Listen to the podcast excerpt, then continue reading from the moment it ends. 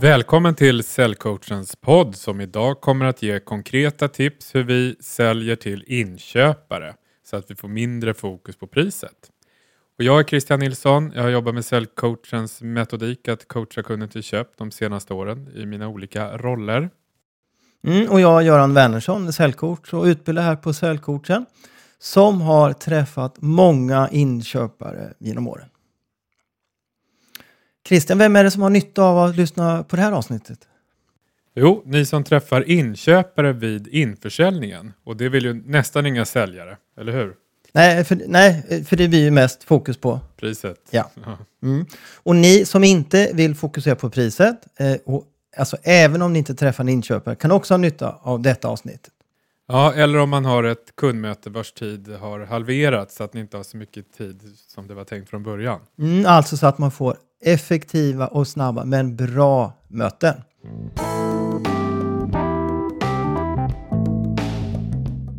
En inköpares uppgift, vad är det? Jo, ta in offerter, Förhandla om priset, sänka priset pruta. och så ska de säga Ja, men de gillar ju gärna. Alltså det, många gillar ju faktiskt inte att säga nej, nej. konstigt nog. Men det är en av deras uppgifter. Ja. Lite eh, kategoriskt sagt. Ja. Mm.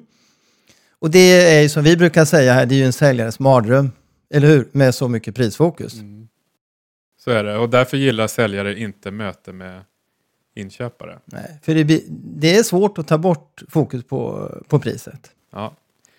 Speciellt om man har produkter och tjänster som det finns många leverantörer av. Och vi ska ju ge er åtta tips för ett möte med en inköpare. Men innan vi gör det så ska jag tala om vad den vanligaste uppfattningen har varit från de inköpare som Göran har träffat genom åren när det kommer till säljarens absolut största misstag. Och det är när en säljare bokar in ett möte utan att ha något att komma med. Alltså att den bara vill sitta och prata för att upprätthålla en relation och hålla konkurrenterna borta. Det funkar inte. Respektera tiden. Den typen av möten går bort alltså.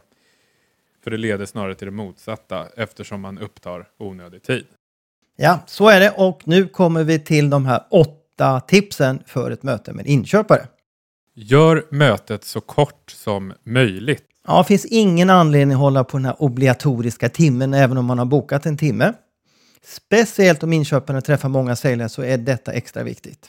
30 till 40 minuter, det är helt okej om tiden räcker för att presentera era produkter och tjänster. Så länge inte inköparen vill hålla på längre. Ett kort möte kan faktiskt göra så att ni sticker ut från mängden på ett positivt sätt. Tips nummer två då. Fråga aldrig privata saker med, med en inköpare. För de har inte tid och de är inte intresserade.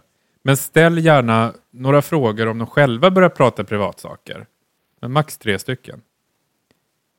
Tips nummer tre. Låt inköparen börja presentera sitt företag först. Var snabb med att låta inköparen presentera sitt företag först. För då får ni koll på om det är en pratkvarn eller en kort och koncis person. Mm. Och eh, som säljare ska du ställa frågor om företag, men ställ inga behovsfrågor eh, för tidigt i mötet. Eh, utan ta reda på hur företaget går, hur konkurrensen ser ut, vilka utmaningar som finns det kommande året, men vänta lite med behovsfrågorna. Tips nummer fyra då. Gör en kort presentation av ditt företag på en till två minuter. Presentera ditt företag och dina produkter och tjänster på en sida, max två, så att inköparen får en snabb överblick. Och Det kan vara då antingen på papper eller på en powerpoint, alltså på skärm. Då. Och på denna sida så ska ni bygga förtroende för ert företag genom att Att eh, beskriva ert företag historik, hur länge ni har funnits, hur många anställda ni är och räkna med era nätverk och samarbetspartner om ni vill framstå som större än vad ni faktiskt är, till exempel. Visa hur många kunder ni har så att det känns lagom många. Har ni få kunder så ta med alla från dess att företag startades eller hur många aktiva kunder som finns till exempel. Så det är viktigt att veta och eh, visa också vilka kända företag ni har och även lokala företag ni jobbar med, gärna med logga. man kan använda alltså antingen eller, eller både och. Eller både och. Och det bygger framförallt förtroende för det företag jag representerar. Mm. Och allt detta ska ju då helst in på den här A4-sidan. Möjligtvis en eller två sidor. Då har vi alltså byggt förtroende för själva företaget. Hur skapar vi intresse för våra produkter och tjänster? Ja, men då måste vi fylla på med säljargument. Eh, och vi, här ska vi försöka använda siffror. 20% effektivare, en till två dagar och så vidare. Då blir det konkret och tydligt vilket skapar intresse. Mm. Bara en kort recap på detta. En presentation, en till två minuter på en till två sidor så att inköparen får en snabb överblick vilka vi är och vad vi har att erbjuda. Tips nummer fem. Fråga vad inköparen vill veta. I vilken ordning och vad de inte vill veta. Ja, och det är en ganska ovanlig fråga eftersom de flesta säljarna har bestämt vad jag ska prata om och vilken ordning. Så fråga vad de vill veta och inte veta så kommer de aldrig någonsin att glömma bort det. Nej. Tips nummer sex. Ta bort prisfokus, Göran. Ja, men vänta med att prata om priset till slutet av mötet om möjligt. Och då, om köparen vill prata pris tidigt i mötet, försök att formulera med, frågor med, ja, med följande innebörd. Förutom priset, vad vill du veta om våra produkter och tjänster? Och, och kommer man sen till slutet så kan man också ställa frågan om, om vår offert har exakt samma pris som en annan leverantör, vad är det då som avgör vem ni väljer? Om vår offert är 20% dyrare än övriga, vad skulle kunna få er att välja oss i alla fall? Tips nummer sju. Fråga om inköparens kunskap om just era produkter och tjänster.